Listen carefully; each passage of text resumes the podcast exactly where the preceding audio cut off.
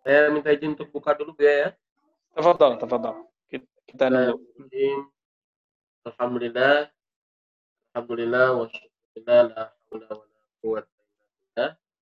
Asyhadu an la ilaha illallah wa syarika la wa asyhadu anna Muhammadan abduhu wa rasuluhu alladzi la nabiyya wa la ba'dahu. Allahumma inna nas'aluka ilman nafi'an wa rizqan thayyiban amalan mutaqabbalan. Subhanaka la ilma lana illa ma 'allamtana innaka antal alimul. Alhamdulillah segala puji bagi Allah yang sudah memberikan banyak nikmat buat kita semua. Tidak lupa salawat serta salam semoga terlimpah curahkan kepada tauladan kita Nabi Muhammad Shallallahu Alaihi Wasallam ya kepada kita selaku umatnya selalu berupaya untuk menunjukkan sunnah-sunnahnya. Alhamdulillah dengan izin Allah eh, teman-teman sekalian hadirin yang berbahagia pada kesempatan kali ini malam kali ini seperti biasa di Sabtu kedua kita malamingan ya malam minggu bareng ya di Sabtu kedua ini belajar bareng kaidah-kaidah agama melalui Arba'in An-Nawawi bersama gurunda kita Terima kasih teman-teman yang sudah hadir di kesempatan malam kali ini. Bisa menyempatkan bersilaturahim. Alhamdulillah kita masih bisa diberikan kesempatan kemampuan kemampuan Allah untuk bisa belajar kita. Dan kami juga mengaturkan jazakallah khair kepada dia yang sudah memberikan kesempatan kepada kita untuk bisa berbagi ilmu di tengah kesibukan beliau alhamdulillah bisa menyempatkan untuk mengajar kita semua ya walaupun dengan keterbatasan uh, apa namanya online gitu ya. Dan insya Allah mungkin kita berdoa mudah-mudahan uh, Buya bisa hadir nanti offline ya. Tidak lama lagi di Bandung bareng-bareng belajar. Karena memang uh, pertemuan online itu berbeda dengan ketemu langsung gitu ya. Ada aura yang tidak bisa digantikan Alhamdulillah mungkin supaya tidak berpanjang lama pembukaan kali ini dan kita masuk ke hadis keempat ya. Dan sebagaimana yang pernah Buya sampaikan di pertama hadis keempat ini tentang bid'ah ini di antara seperempat e, dari agama ya. Nah, di antara seperempat dari agama ini sangat penting sekali. E, insya Allah e, sebagaimana Buya sampaikan di pertemuan terakhir tema ini kayaknya agak membuat kita semakin serius belajar ya karena sensitif sekali gitu ya. Ada ekstrem kanan ada ekstrem kiri kelihatannya ya. Ekstrem kanan dikit-dikit bid'ah gitu ya. Ekstrem kiri nggak mau dengar istilah bid'ah. Pas sampai ada seorang ustadz kalau ceramah uh, khutbah Jumat pakai apa namanya fa inna asdaqal hadis kitabullah itu ya kayaknya minta diganti itu bacaan hadis itu karena apa namanya khawatir gitu ya dengan bid'ah dalam agama. Nah, bagaimana mendudukkan ini? Ya, begitu. Kelihatannya kita akan siap-siap belajar lebih serius lagi, ya lebih apa namanya dalam lagi.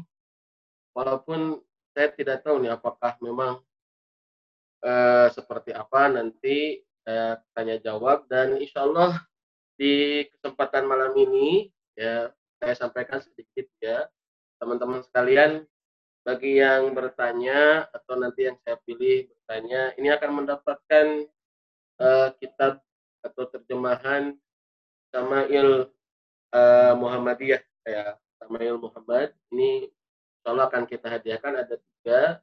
Jadi silahkan anda bertanya aktif nanti saya akan berikan untuk anda siapa yang bisa apa namanya uh, uh, apa namanya pertanyaannya saya angkat insya Allah nanti itu akan mendapatkan dan silakan uh, silakan nanti untuk DM Muslimin Foundation. Teman-teman sekalian, ya jamaah sekalian, itu saja mungkin pengantar dari saya. Allah Buya akan lebih dalam membahas ini. Uh, waktu dan tempat kami persilahkan kepada Buya Mangga Buya, silakan. Oke, Assalamualaikum warahmatullahi wabarakatuh.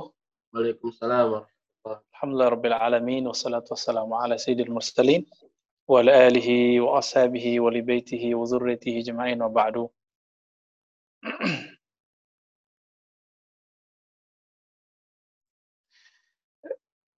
Teman-teman yang makan Allah, uh, Ustaz Hasan, Suara saya putus-putus apa gimana Ustaz? Jelas Ustaz, suaranya jelas, baju hitamnya jelas, muka Ustaz jelas. Alhamdulillah. Jelas. Alhamdulillah. Ya, Alhamdulillah. Afwan, Buya sedikit apakah memang di setting background hmm? bodas baju hitam gitu biar auranya keluar? Su suara antum yang putus-putus. Oh, suaranya yang putus-putus ya. Terdengar Bu ya? Terdengar ya? Ada Bu ya? Hmm. Afwan, apa suaranya saya nggak nggak dengar putus-putus. Di sana hujan bu ya? Oh mungkin jaringan di bu ya?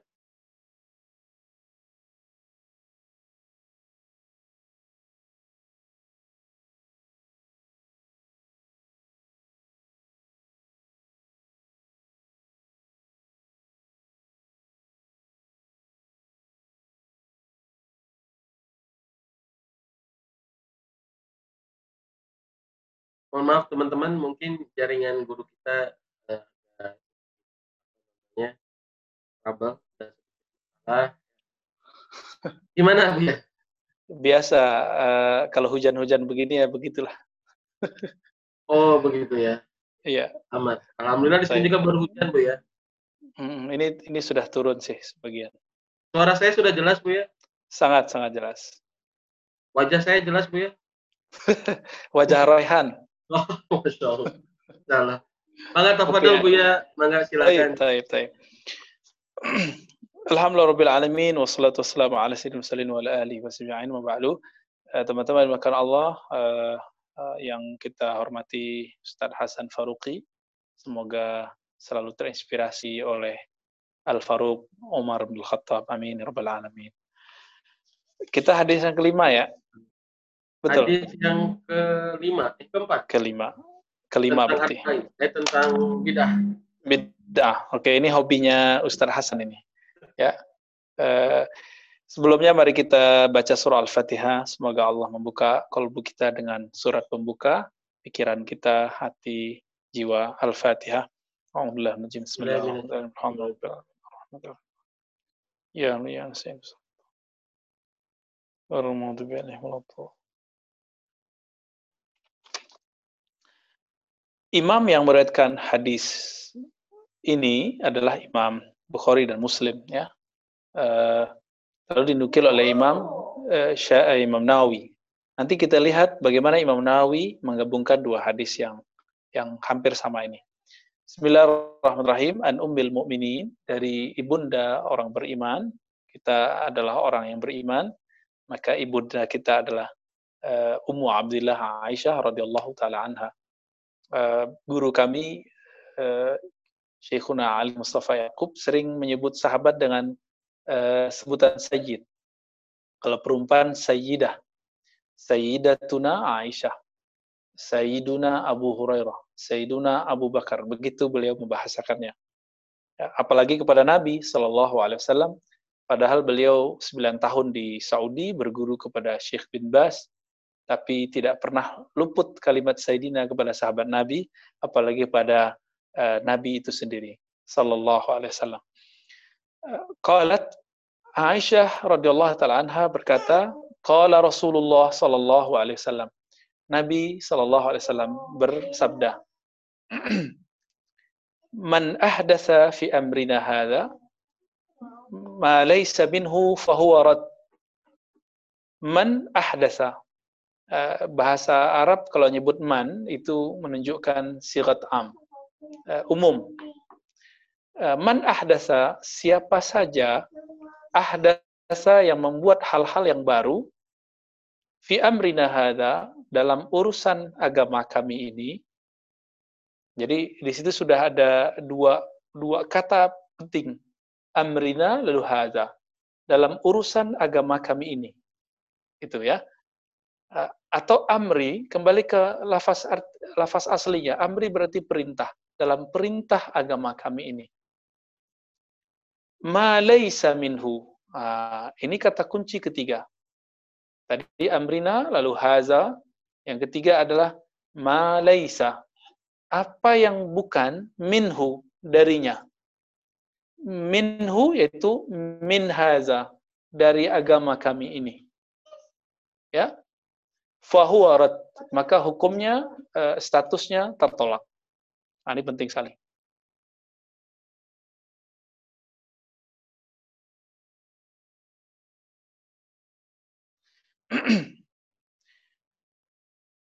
Kemudian hadis ini di, dikatakan rawahul Bukhari wa Muslim. Hadis ini diriwayatkan oleh Imam Bukhari dan Imam Muslim. Wa fi riwayatin li Muslim, dalam riwayat Imam Muslim, kalimatnya tidak ahdasa tapi amila. Man amila, siapa yang beramal, nah, kalau tadi kan ahdasa. Ahdasa itu sebenarnya juga beramal, berbuat. Ya. Man amila, siapa yang berbuat, amalan satu amalan laisa alaihi amruna tidaklah amalan itu ada dasar dalilnya dalam agama kami fahuwa maka statusnya rad apa arti rad rad itu artinya tertolak jadi di dalam uh, hukum Islam ada yang disebut uh, apa yang kita katakan dengan status status Eh, ini apa eh, statusnya? Maka disebut mardud atau makbul. Diterima atau ditolak. Nah, tapi kalau pertanyaannya hukum fikih, apakah hukumnya ini Ustadz? Apakah hukumnya itu Ustadz? Maka orang yang mengatakan tertolak dan diterima itu tidak mengerti bahasa fikih. Dalam bahasa fikih eh, tidak ada istilah diterima ditolak. Bahasa fikih eh, ada istilahnya sah batal, dua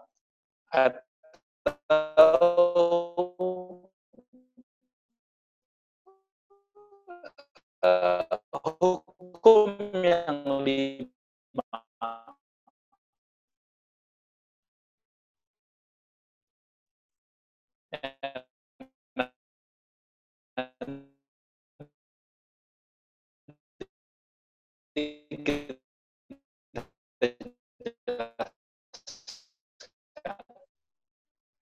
Baik. Kita coba cek lagi riwayat ini man ahdatsa fi amrina hadza ma laysa minhu fa huwa Ya, siapa yang membuat hal-hal baru dalam agama. Ini yang dilupakan, enggak usah pakai debat, usah pakai aneh-aneh. Kunci di situ laisa minhu. Apa arti laisa minhu? Satu yang baru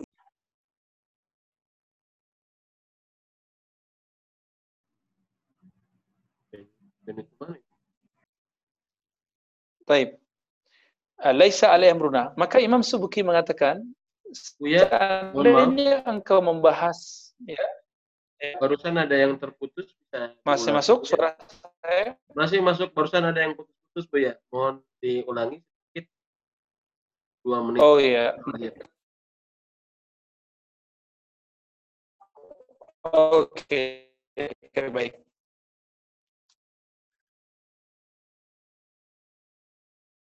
Jadi ada kata kunci di hadis itu, pertama ahdasaru. Oke.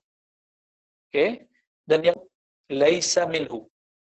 Laisa ali amruna atau laisa minhu dapat diartikan dengan tidak mempunyai dasar dalil dalam agama kita. Oleh karena itu, Imam Subki mengatakan, jika engkau mengkaji satu hal yang diperdebatkan hukumnya oleh seseorang, oleh banyak orang, yang satu mengatakan ini sunnah, satu mengatakan itu bid'ah, tentu engkau, engkau akan mendapatkan dalilnya. Nah, bahkan nanti eh, akan masuk kepada pembagian-pembagian seandainya orang membahas apa yang uh, bahwa itu bid'ah, sebenarnya itu sunnah semua. Nah, cuma karena memudahkan istilah, disebutlah itu bid'ah hasanah. Itu menurut Imam Subki. Nah, kita tinggalkan dulu kalam tersebut. Teman-teman yang bukan Allah, istilah Nabi menyebut rad. Apa arti rad? Tertolak. Dalam bahasa fikih disebut batil. Jadi bahasa kita kalau kita sebut oh batal gitu ya. Lawannya apa? Lawannya sah. Lawan dari batil adalah sah. Maka teman-teman yang melakukan Allah, hadis ini disebut oleh Imam uh, An-Nawawi, lalu dijelaskan oleh murid-muridnya, salah satunya Ibnu Daqiq Al-Id, mengatakan bahwa hadal hadis qaidatun azimah. Ini adalah salah satu kaidah penting dalam uh, beragama. Kenapa disebut kaidah penting, kaidah besar? Karena kalau orang faham ini, ya, kalau orang faham ini, maka dia akan mampu eh, berbicara tentang agama itu secara hati-hati.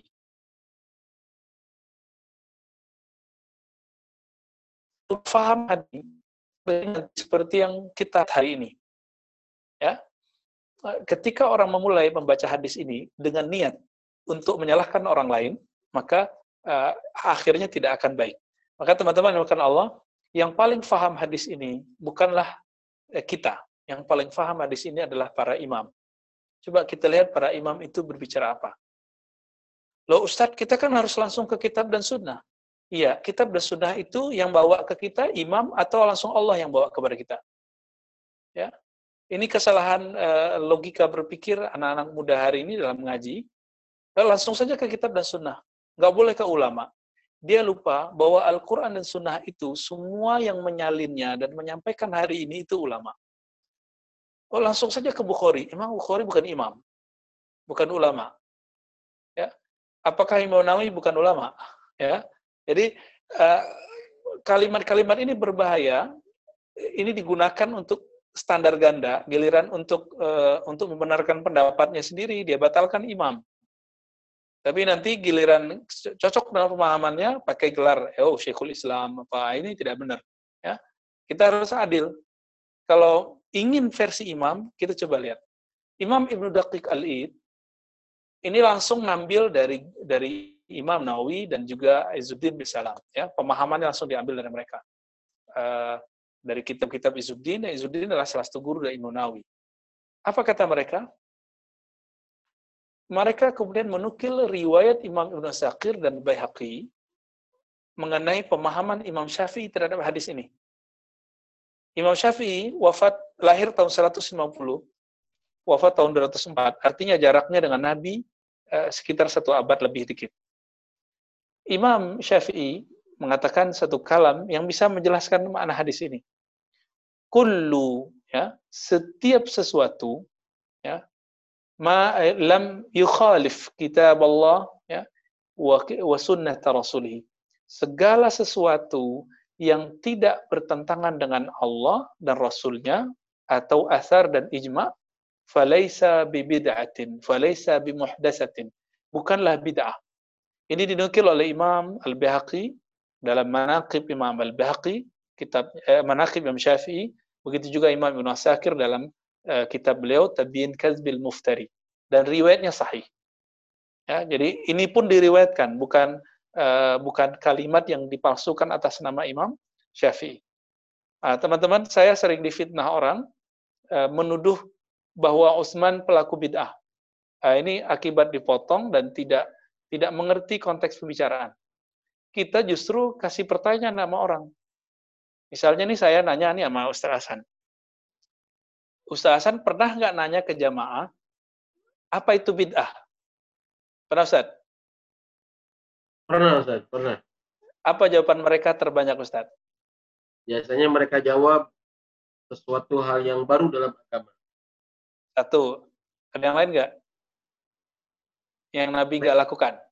Saya, ya mungkin itu. Tapi saya jarang nanya itu, saya jarang ngebahas itu. Saya, paling saya suka ngebidahin orang itu jarang ngebahas itu. Oke, eh, dari survei langsung kita, jadi kita kan eh, ketemu komunitas-komunitas komunitas. Setiap kali saya tanya, apa itu bid'ah? rata menjawab segala sesuatu yang Nabi tidak lakukan. Maka saya nanya balik, nah ini yang kemudian dipotong. Nabi tidak pernah mengajarkan azan dua kali. Usman buat azan dua kali. Usman pelaku bid'ah dong, gitu. Kita ngomong dengan diksi-diksi begini atau beda sedikit, itu kemudian dipotong lalu saya eh, saya dituduh eh, menghujat Usman pelaku bid'ah. Ya. Eh, saya rasa orang yang berakal sehat paham maksud kita apa. Ya. Us Usman ahli bid'ah dong. Itu kita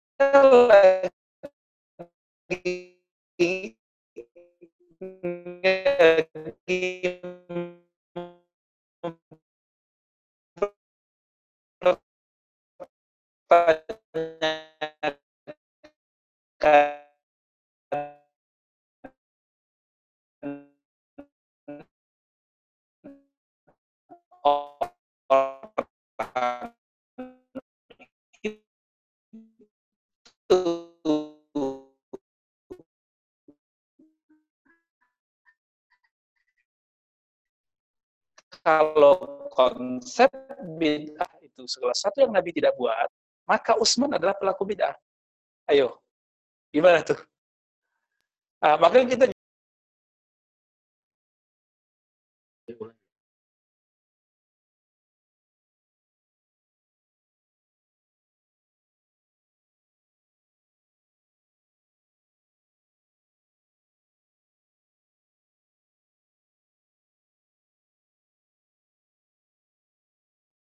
ya teman-teman sama sekarang juga masih terus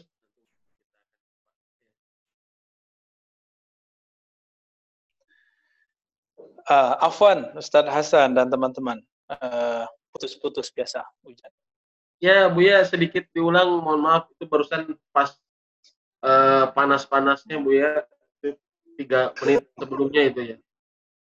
Oh, iya iya. Antum senang kalau yang panas itu ya? Enggak, ini kan supaya yeah. ini dingin uh, musim hujan jadi agak sedikit dihangatkan. Ya, ya. Oke. Okay. Ya, itu yang barusan Usman eh Buya dituduh sebagai. Oke, okay, ya, kita sedang mereview hadis uh, yang ada dalam hadis Sahihain, uh, dialog antara Abu Bakar dan Umar. Jadi apa kata Abu Bakar? Hai Umar, apakah engkau dengan usulanmu mengumpulkan Al-Quran, sedangkan Nabi tidak mengajarkan itu, melakukan itu, engkau melakukan yang Nabi tidak lakukan. Taf'al ma lam yaf'alhu Nabi. Engkau lakukan yang Nabi tidak lakukan. Berarti konsep bid'ah Abu Bakar itu yang yang dipahami khalayak hari ini. Tapi Abu Bakar mau diskusi. Abu Bakar mau dialog. Mau piknik, mau dengar Ustadz Subhat. Ya.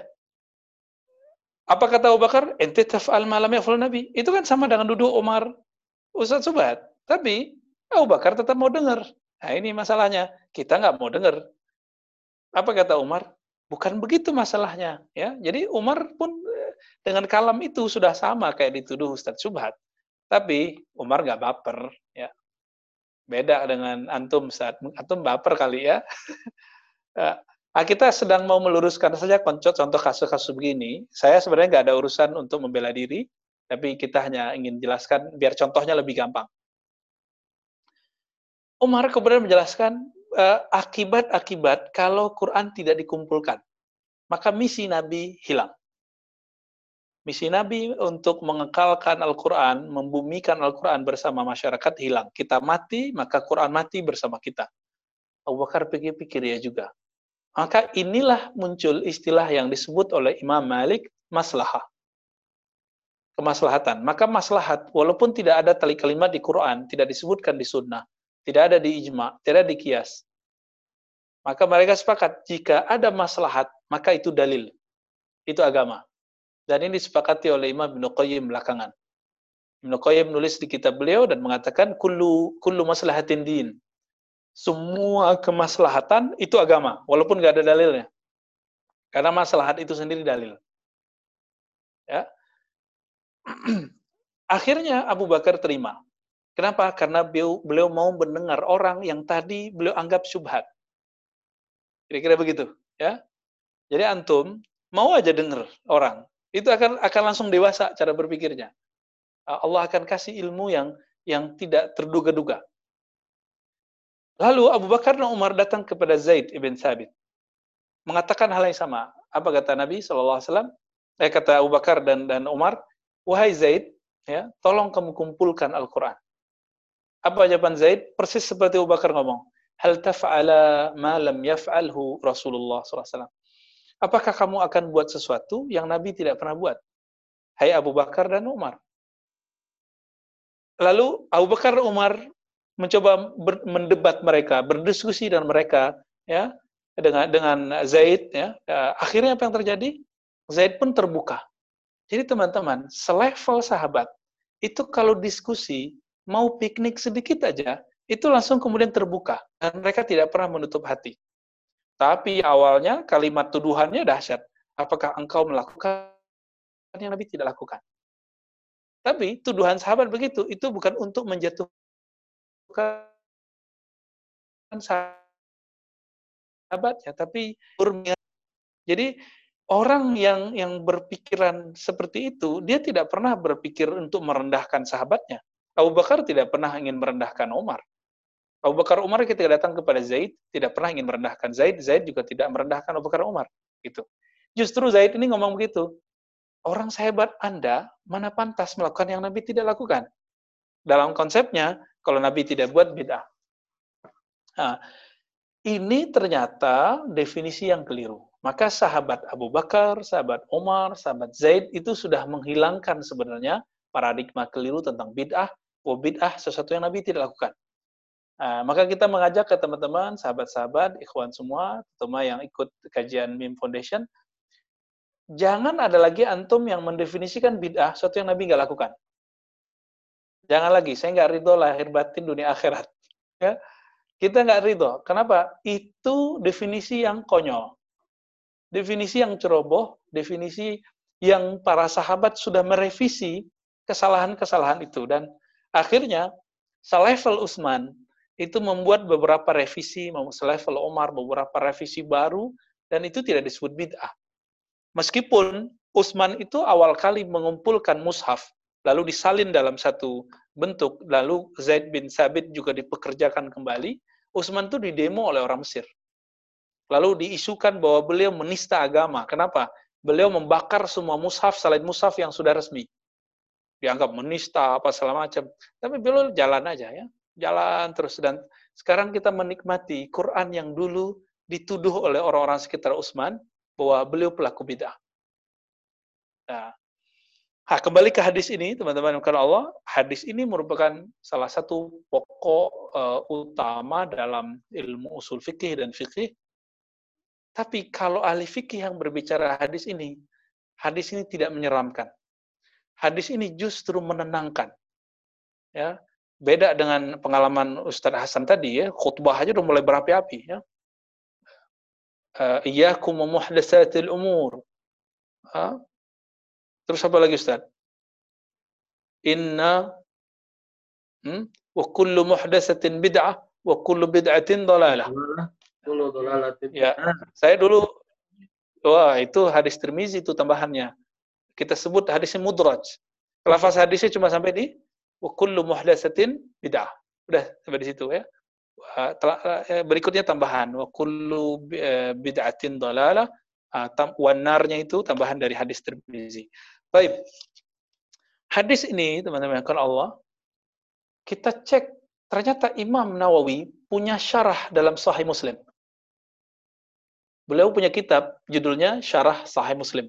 Penjelasan hadis Sahih Muslim. Lalu beliau juga punya syarah e, Arba'in Nawawi. Jadi ada dua syarah kita banding dan beliau konsisten. Apa yang kita sebut konsisten? Ketika beliau mengatakan man ahdasa fi amrina haza, siapa yang melakukan bid'ah maka yang tidak ada dalilnya tertolak. Beliau mengatakan bid'ah itu sendiri dia menjadi objek hukum. Maksudnya gimana?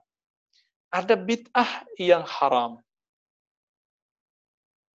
Ada bid'ah yang makruh. Ada bid'ah yang mubah. Uh, kopiahnya Ustadz Hasan ini bid'ah yang mubah. Oh, yang ada bid'ah yang punya itu mustahab yang dianjurkan. Nah, Ini ini agak aneh nih. Bid'ah tapi dianjurkan. Yang terakhir, yang kelima, bid'ah tapi wajib.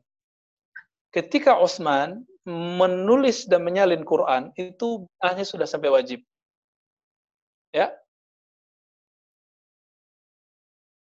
Apalagi nih? Bid'ah. Nah, kita turunin lagi tadi, bid'ah haram. Ah, sebelum masuk ke bid'ah haram, eh, makruh, mubah, eh, mustahab, eh, wajib, kita coba lihat imam yang sering disebut Syekhul Islam dalam menerjemahkan apa itu bid'ah. Ini saya juga akan konsisten menukilnya. Beliau menulis dalam kitabnya Iqtida Siratal Mustaqim.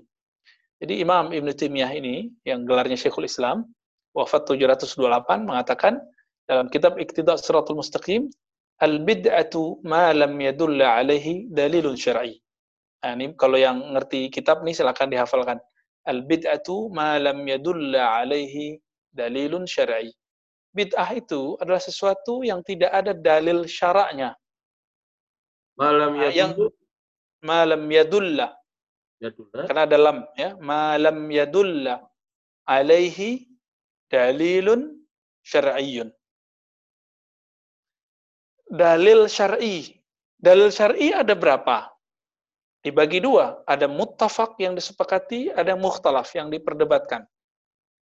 Loh, ada dalil yang diperdebatkan? Iya. Nah, teman-teman yang belajar usul fikih, metodologi hukum Islam, itu faham maksud kita. Yang disepakati Quran, Sunnah, Ijma, Qiyas. Oh, ternyata dalil bukan hanya Quran dan Sunnah. Iya, ada namanya Ijma, ada namanya Qiyas. Dan itu disepakati. Ingkar terhadap empat ini kafir. Tapi ada yang tidak disepakati, dipakai oleh seorang imam, tapi imam yang lain tidak pakai itu sebagai dalil.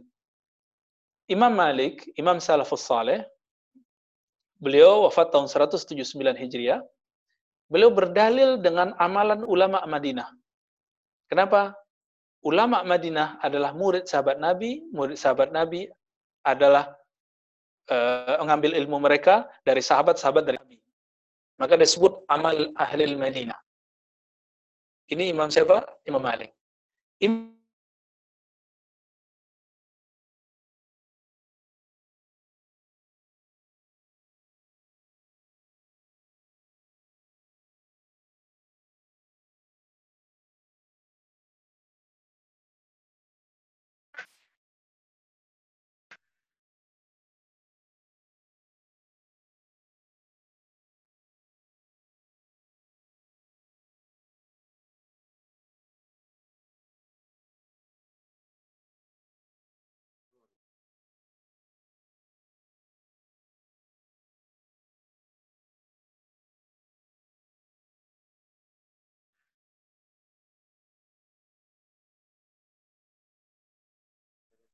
Masya Allah.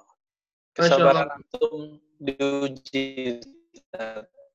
Ini apakah ada sesuatu yang disengaja gara-gara kita ngebahas bid'ah Ustaz?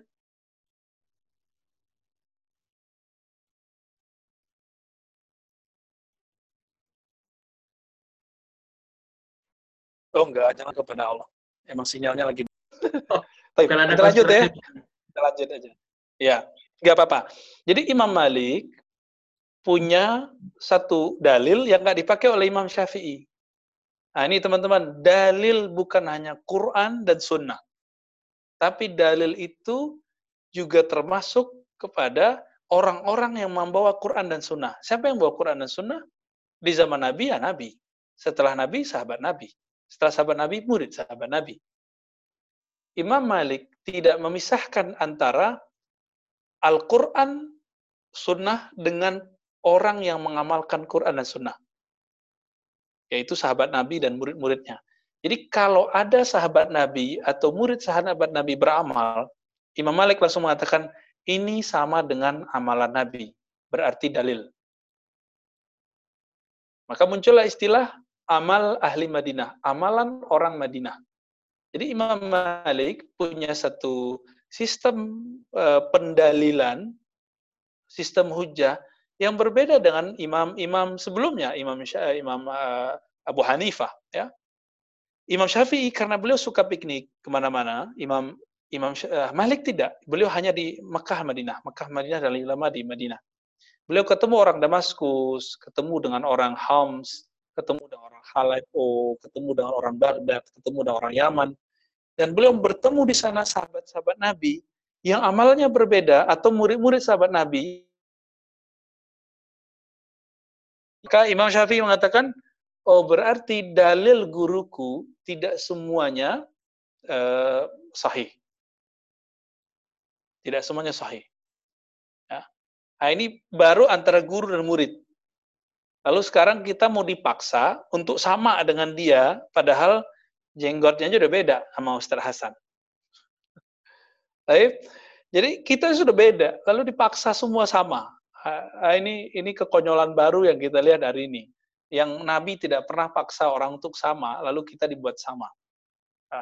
Maka teman-teman yang melakukan Allah, Imam Syafi'i itu ketika beliau uh, dicek kalam-kalamnya, kalamnya ini dikembangkan oleh muridnya. Apa kalam yang tadi?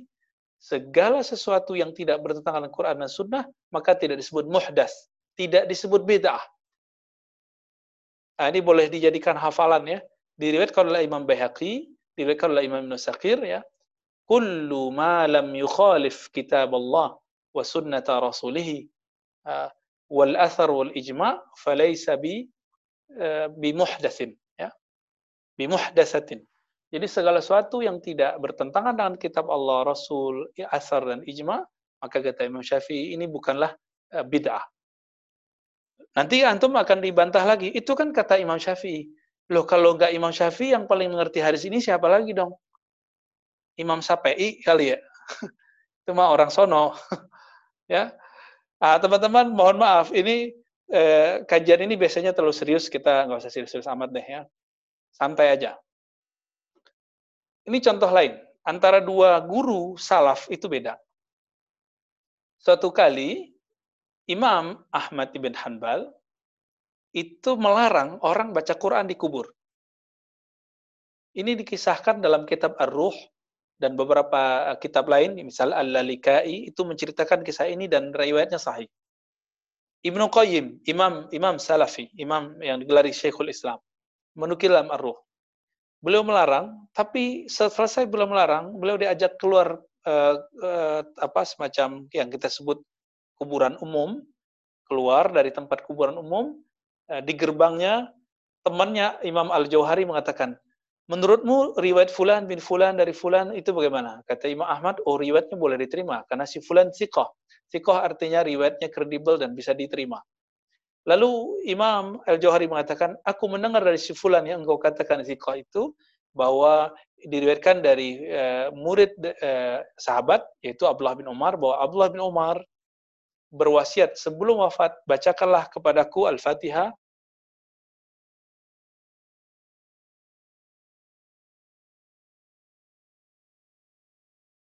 Halo, Buya.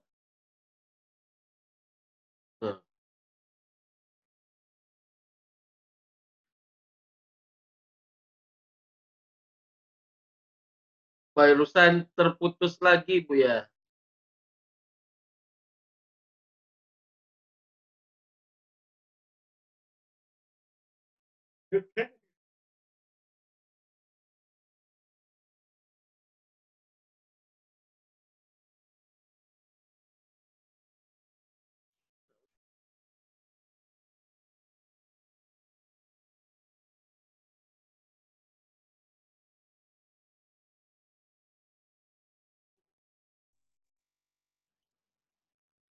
Barusan terputus Bu ya. Iya, betul. Sebelum aku meninggal, nah itu kata Imam. Oke. Okay. Sebelum aku uh, meninggal. Jadi uh, Imam Johari meriwayatkan dengan sanatnya, dengan sanat yang dianggap sahih oleh Imam Ahmad, bahwa Ibnu Umar berpesan sebelum wafat agar dibacakan kepadanya setelah meninggal di kuburnya Al-Fatihah, lalu Alif Lam Mim sampai ayat kelima, uh, ayat kursi dan amanah Rasul. Ya. Jadi Imam Ahmad mendengar itu, kemudian memanggil orang yang dia larang membaca kubur di uh, baca Quran di kubur agar kembali ke kuburan dan membaca Quran di sana. Maka teman-teman yang melakukan Allah, Imam Ahmad yang tadi punya pandangan melarang, cukup dengan satu dalil yang dia dengar dari temannya, langsung merevisi pendapatnya. Oke. Okay. Kita sudah berapa dalil kita sampaikan kepada mereka yang menganggap kita ahli syubhat, uh, ahli bid'ah, dolal, sesat, tapi mereka nggak mau terima. Berarti memang benarlah kata Imam Ibnu Hajar Al-Haytami dalam Al-Fatawa Al-Hadithiyahnya. Nanti antum silakan cek, itu ada kalimatnya. Ya, orang-orang seperti ini, Abdullahullahu ala ilmin. Dia punya ilmu, tapi hidayah nggak tembus sampai ke dadanya. Allah sesatkan dia, padahal dia berilmu. Gitu. Dan itu terjadi, teman-teman. Ya, semoga kita jauh dari hal-hal seperti itu. Semoga Allah kasih kita ilmu plus hidayah. Ya, Jadi Imam Ahmad dalam hitungan menit itu berubah merevisi pandangannya ketika ketemu dalil dan dalil itu bukan perkataan Nabi. Siapa yang mengatakan itu adalah Imam Al-Johari diriwayatkan dari Ibnu Umar. Berarti bukan amal amal Nabi, tapi amal Ibnu Umar. Cuma Ahmad bin Hambal mengatakan, kalau kamu mau tahu Nabi buat apa, lihatlah amal Umar. Ibnu Umar. Kalau Ibnu Umar melakukan sesuatu, berarti Nabi melakukannya. Dan teman-teman, bukan Allah, dengan adab itulah Imam Ahmad ibn Hambal merevisi dalam waktu sekejap, waktu sesaat. Nah, kok bisa beliau seperti itu? Kita kok nggak bisa gitu. Karena dalam kolbunya ada cahaya hidayah, di kolbu kita mungkin cahaya yang payah. Nah, Imam Nawawi yang tadi saya cerita, Beliau penulis kitab Arba'in. Ketika beliau menulis kitab Arba'in 42 hadis, beliau paling faham maksud hadisnya. Sekarang kita coba rujuk apa penjelasan Imam Nawawi dalam syarah hadis Nawawi. Jadi beliau sendiri nulis syarahnya. Jadi kitab ini beliau tulis sendiri syarahnya. Kalau pengen lebih lengkap, maka buka syarah Sahih Muslim karya Imam Nawawi yang lebih dari 6 jilid. Ya, silakan dibaca hadisnya sama dengan ini. Man amila amalan ya laisa alaihi amruna fahuwarat. Karena hadis Muslim. Apa kata beliau? Bahwa bid'ah sesuatu betul yang tidak ada dalilnya. Maka ketika ada sesuatu yang Nabi tidak buat, Nabi gak buat nih. Ketika dicek, ternyata ada dalil yang bisa meng-hire, meng-cover masalah ini. Bahwa persoalan baru ini cocok dengan dalil yang dalil itu memerintahkan sesuatu yang hasilnya wajib, maka bid'ahnya menjadi wajib. Ada persoalan baru, dia berkaitan dengan perintah Nabi yang dianjurkan, maka dia menjadi bid'ah mustahab. Bid'ah yang dianjurkan, bid'ah hasanah. Ada persoalan baru di zaman Nabi tidak pernah dibahas dan tidak pernah dilarang dan tidak pernah disuruh. Maka masuk kepada bid'ah mubah. Contohnya ngaji lewat Zoom, Ya, antum kalau nggak ahli bid'ah semua nih. Ya kan? um, apalagi? Nabi nasional, OPN nasional. Oh, oh iya, kena deh. Kayaknya nunggu nyerang dari tadi nih Ustaz Hasan oh, nih ya. Biar ini, biar biar Berimbang. mencontohkan sesuatu yang terlihat. Ah, betul, betul. Jadi kopiah ini, ini kan tidak ada di zaman Nabi. Umar juga nggak pernah, Abu Bakar, Utsman, Ali nggak ada riwayatnya mereka pakai kopiah hitam. Apalagi kopiah putih kayak Ustaz Hasan. Nggak ada ya. Bahkan antum pakai serban hari ini belum tentu serbannya mirip dengan serban Nabi Sallallahu Alaihi Wasallam. Lalu kalau saya nggak pakai, saya cuma pakai tutup. Nah, maka ini masuk ke bab mubah. Mubah itu artinya apa? Dulu orang mengatakan orang-orang yang bekerja untuk hal-hal mulia, untuk ngajar, ya, tokoh-tokoh agama, eh, eh, pejabat-pejabat tinggi, maka kepalanya harus ditutup.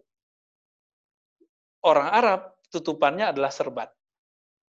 Orang Indonesia lihat Soekarno, ya Soekarno tutupnya itu kopiah hitam kan. Tapi di zaman itu Buya Hamka juga tutup pakaian eh, hitam. Buya Hamka sampai kemudian beliau meninggal kopiahnya kopiah hitam. Ya, saya mau ngajak Ustaz Hasan biar pakai kopiah hitam. Belum makomnya. Belum makomnya. Kalau antum di Lombok, itu orang yang belum haji, belum boleh pakai kopiah putih. Tapi di Bandung beda ya. pakai lagi, tat, pakai lagi, tat. Ya. Jadi di Lombok itu ada istilah namanya ganti kopiah. Hmm. Ganti kopiah itu harus haji dulu, umroh aja belum cukup. Nah, tapi di pesantren, di Jawa, di Sunda, di Betawi, di Sumatera, itu bebas ya. Orang boleh pakai kopiah hitam, boleh pakai kopiah putih. Oke, oke, itu masuk ke bab yang mubah. Ada yang makruh. Makruh itu sesuatu yang yang yang di zaman Nabi, Nabi melarang. Contohnya, Antum kalau ada pesta, ada ada pesta makan berdiri. Nabi tidak pernah mengharamkan makan minum berdiri. Maka kalau ada orang makan minum berdiri, kita nggak boleh larang dengan keras. Tapi itu cuma masuk kepada makruh. Ya, jadi jangan kemudian wah ini orang nggak bener nih, nggak begitu. Ya, saya waktu uh, tahun 2014 ke Madinah, lalu saya menemui salah satu uh, saudara kita yang junior di sana. Itu dia minum berdiri, padahal pakai gamis.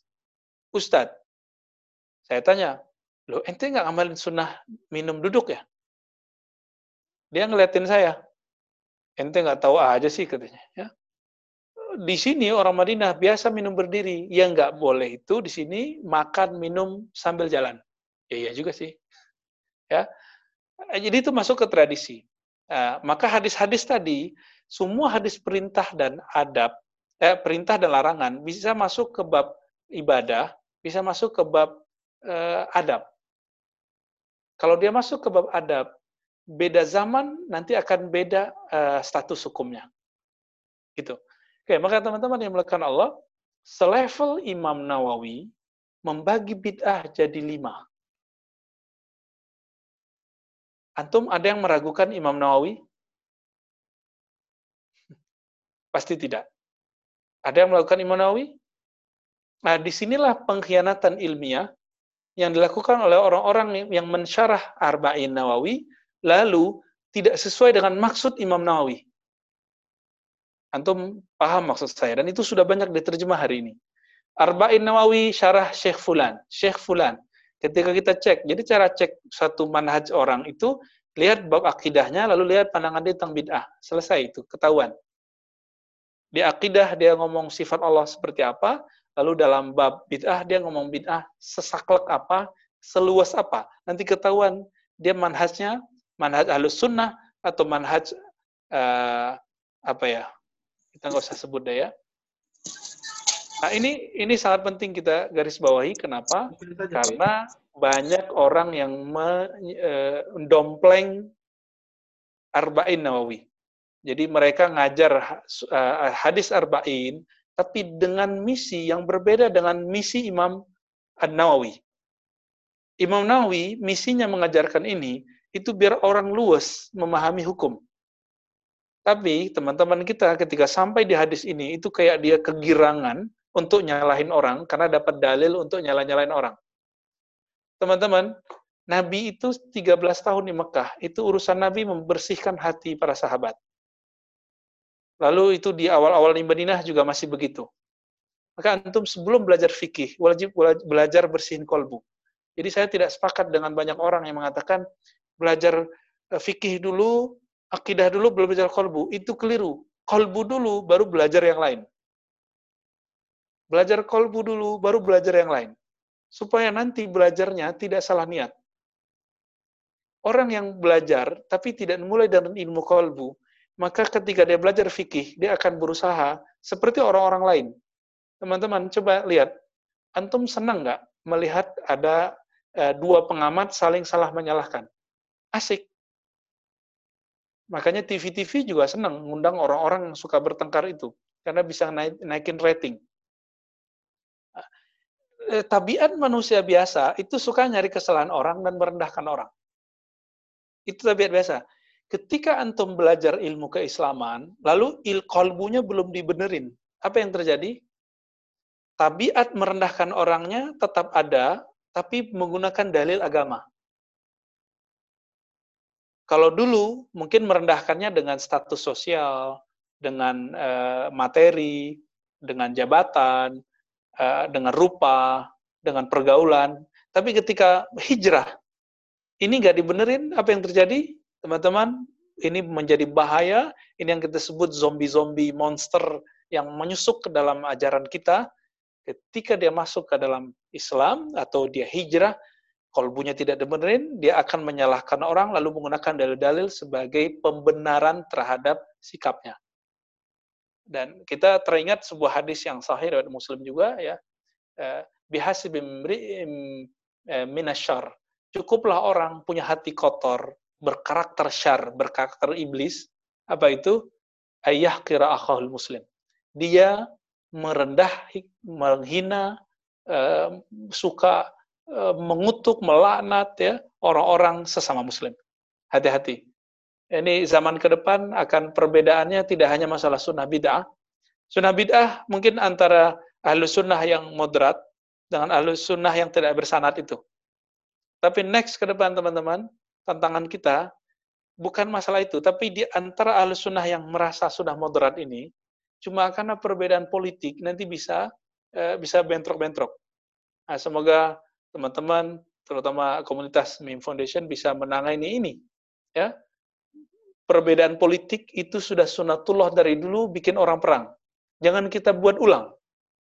Ya, ini bukan masalah bid'ah dan tidak bid'ah. Ini masalah e, itijahat sia-sia. Kecenderungan politik yang memang tidak tidak pernah satu dari dulu. Maka kembali ke sunnah bid'ah, teman-teman yang Allah. Saya sudah tuh, uh, sampaikan beberapa tokoh penting. Pertama tadi Ibnu Taimiyah. Ibnu Taimiyah mengatakan segala satu yang tidak dalilnya, tidak ada dalilnya maka bid'ah. Berarti kalau ada dalilnya, dia nggak bid'ah. Masalahnya, dalil kita nggak diterima sama mereka, gitu masalahnya. Jadi kalau teman-teman yang suka membid'ahkan itu, dalil itu harus keluar dari ustadznya. Kalau keluar dari Ustadz Hasan, hadisnya nggak jadi Hasan. Hadisnya langsung jadi do'if. Fair nggak ini? Ini nggak fair. Itu adalah pengkultusan terhadap sosok dan pemikiran, dan ini lebih bahaya daripada taklid. Ya, lebih bahaya daripada taklid. Jadi masih aman orang yang taklid daripada orang ini. Nah, jadi Imam Nawawi, nah ini tokoh kedua, yang lebih dahulu dari Ibnu Taimiyah, sudah membagi bid'ah menjadi lima hukum. Dari sisi nilai dibagi dua, hasanah dan e, dolalah. Ya. Lalu dibantah nanti. Apa bantahannya? Nabi mengatakan semua bid'ah sesat kok. Kok ente bilang ada bid'ah yang yang wajib? Ini bertentangan Rasulullah. Kan begitu logikanya. Imam Nawawi dalam syarah Mustahai Muslim, saya ulangi teman-teman, Imam Nawawi, Imam Sunnah, Imam yang hafal riwayat Bukhari, riwayat Muslim, itu beliau hafal semua. Apa kata beliau?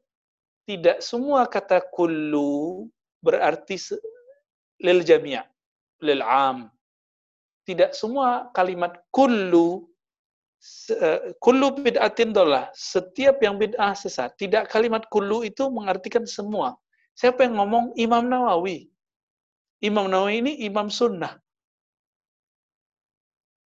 Nanti mungkin antum akan adu lagi. Loh, nabinya ngomong semua, kok kamu ikut Nawawi? Kok Nabi dibandingin sama Nawawi? Lah, berarti nggak paham. Bukan begitu cara memahami hadis. Hadis ini diriwayatkan oleh Imam Muslim, juga diriwayatkan lanjutannya dan dikumpulkan oleh Imam Nawawi. Maka Imam Nawawi adalah orang yang paling faham hadis ini. Bahwa kata kullu bukanlah semua, karena ini zahir di, di perbuatan sahabat Nabi. Kita kembali ke tadi Abu Bakar buat sesuatu yang Nabi tidak buat. Umar Umar itu prestasi terbanyak membuat yang Nabi tidak buat. Makanya orang-orang Syiah benci sekali dengan Umar. Umar itu melarang menikah beda agama walaupun amal kitab, padahal tadinya boleh.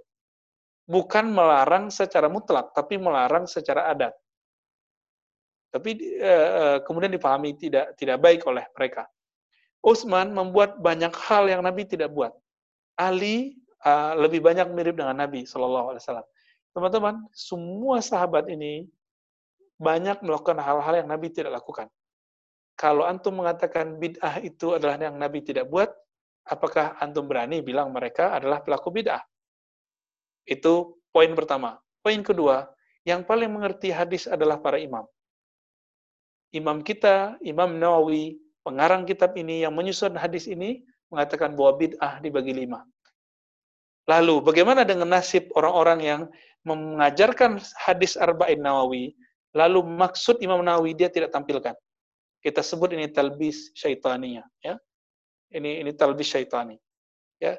Hadis yang dimaksud Imam Nawawi bukan untuk menyalahkan uh, orang beda faham, beda mazhab, tapi dia gunakan untuk menyalahkan orang beda faham, beda mazhab. Nah, maka teman-teman yang bukan Allah, uh, silakan antum pilih nanti kita tidak memaksa antum uh, ikut kita atau ikut siapa, berdasarkan fakta-fakta itu, silakan tanya ke hati nurani, pikirkan dengan baik, tafakuri ini, siapa yang kira-kira yang lebih sahih pemahamannya? Imam Nawawi atau mereka? Baik. Saya kembalikan kepada Ustadz Hasan. Tafadhal. Subhanallah. Hamdi, Masya Allah, Tabarakallah. Jazakallah khair. Wa iyakum. Ustadz jelaskan. Saya juga sebagai seorang tolib, bahkan mungkin derajatnya lebih rendah dari tolib mendengar penjelasan Buya apa namanya selalu bertanya-tanya kenapa gitu? Tidak dibuka sejujur mungkin seilmiah mungkin tentang bid'ah ini gitu ya. Apakah memang ada maksud apa gitu ya? Itu juga tidak habis pikir. Padahal kan mereka baca mereka miliki cara muslim gitu ya. Tapi kenapa menutup untuk menjelaskan tentang pembagian bid'ah yang di dijelaskan oleh Imam Nawawi. Tapi kan itu urusan mereka. Yang penting hati kita uh, terjaga dan kita punya hujah ikut Imam Nawawi, gitu ya. Daripada ikut imam-imam yang hari ini, gitu ya. Uh, Bu ya, uh, sebelum dilanjutkan, uh, Lausa Mahta barangkali tidak merepotkan. Um, mohon dijelaskan tentang kisah tadi Bu ya. Ini menurut saya kisah yang luar biasa tentang sikap bagaimana Imam Ahmad mencontohkan merujuk perkataannya itu eh, tentang apa namanya amanat Ibnu Umar untuk dibacakan ya. Itu sumbernya dari mana Bu ya? Mohon maaf. Oke, okay, baik.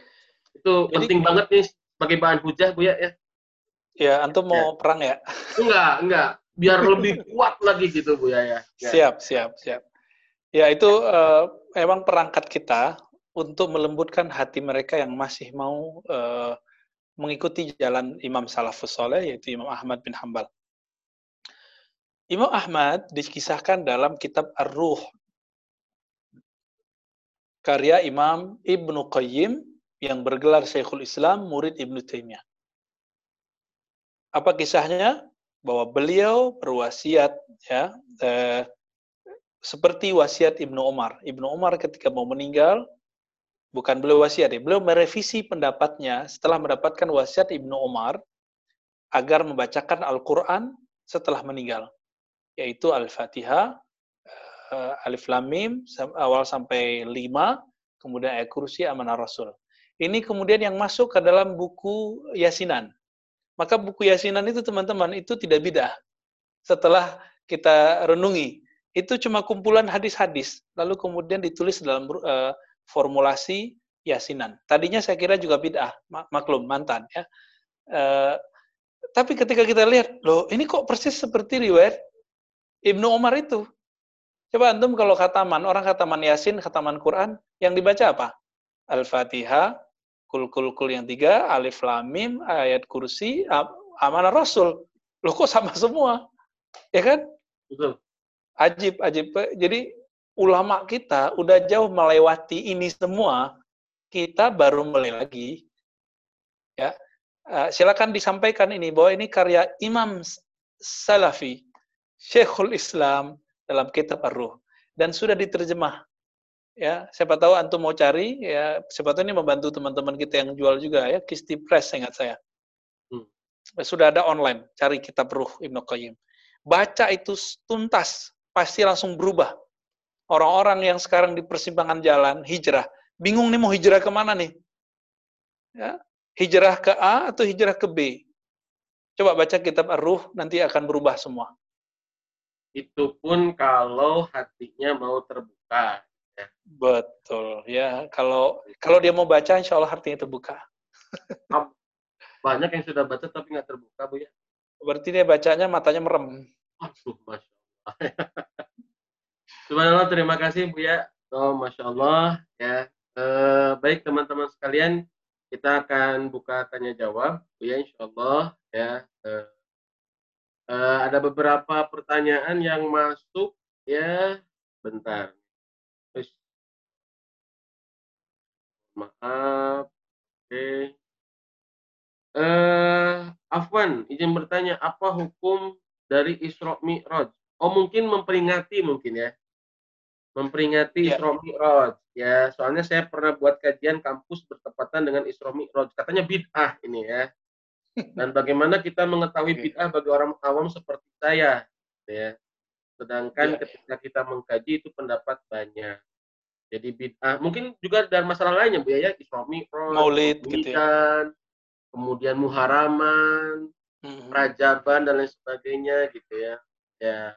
Itu silakan Bu ya. Ya, mangga. Ya, uh, Maulidan, Isra Mi'raj, Muharraman, jika itu diniatkan untuk mengenal sirah Nabi, maka dia tidak termasuk bid'ah, bahkan menurut saya itu sudah hampir wajib. Jika antum kurang mengenal Nabi, maka antum perlu mengenal Nabi dalam maulid. Maka maulid di pesantren kita itu enggak tidak hanya nyanyi-nyanyi, solawatan, enggak. Tapi maulid di tempat kami itu baca kitab Syama'il Nabawiyah. Gitu. Baca dimaknai, baca dimaknai, baca dimaknai. Nah, itu perbedaan eh, antara mungkin pesantren dengan awam. Orang awam tahunya cuma berzanjian. Padahal berzanjian itu kalau dimaknai, maknanya sama dengan hadis Syama'il itu. Nah, kita cuma tapi orang-orang awam itu tetap dia dapat pahala besar karena dia sudah bersalawat kepada Nabi Shallallahu Alaihi Wasallam. Jadi eh, salah satu orang yang dulu membuat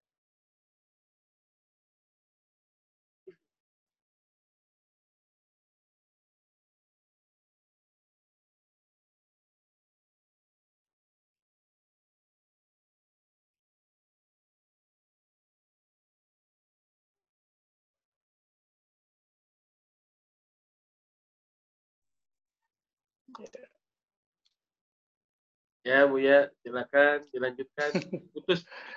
Afwan, di sini banyak petir ya. Jadi kalau kalau lagi hujan sinyal Zoom antum kesamber kali ya. Oh gitu ya. Jadi yang nyamber bukan mereka, Tat. Ini bukan konspirasi, Bu ya? Waduh. Gak ada ya, konspirasi begini mah nggak perlu. Oke, saya udah lupa tadi terakhir apa, lanjut aja pertanyaan berikut.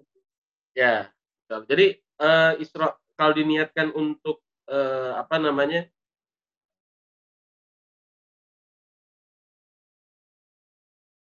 Uh, Oke, eh, tadi saya menyebutkan bahwa Ustadz yang antum eh, pasti sangat suka juga kajiannya, ya uh, Ustadz Adi Hidayat, seingat. Ya. Nah, Ustadz Adi, karena menukil seorang ulama Mekah, namanya Said Muhammad Alawi Al-Maliki, langsung dituduh, uh, kok uh, Ustadz Subhat? Kenapa? Karena Said Muhammad oleh mereka disebut dengan berhala Mekah. Hanya mereka menyebut ulama ahli. Ya. Saya dulu juga uh, apa juga bertanya-tanya ya Ustadz Adi sebenarnya afiliasinya ke mana? Tapi dengan beliau Muhammad sudah cukup sudah ya. Oh, ahlu sunnah wal jamaah. Uh, Said Muhammad, perlukah maulid? Apa jawaban beliau? Jika maulid itu mengenalkan engkau kepada Nabi, maka aku katakan maulid itu wajib. Yang ngomong Said Muhammad Alawi Al-Maliki, Beliau, ayahnya, kakek-kakeknya adalah pengajar di Masjidil Haram.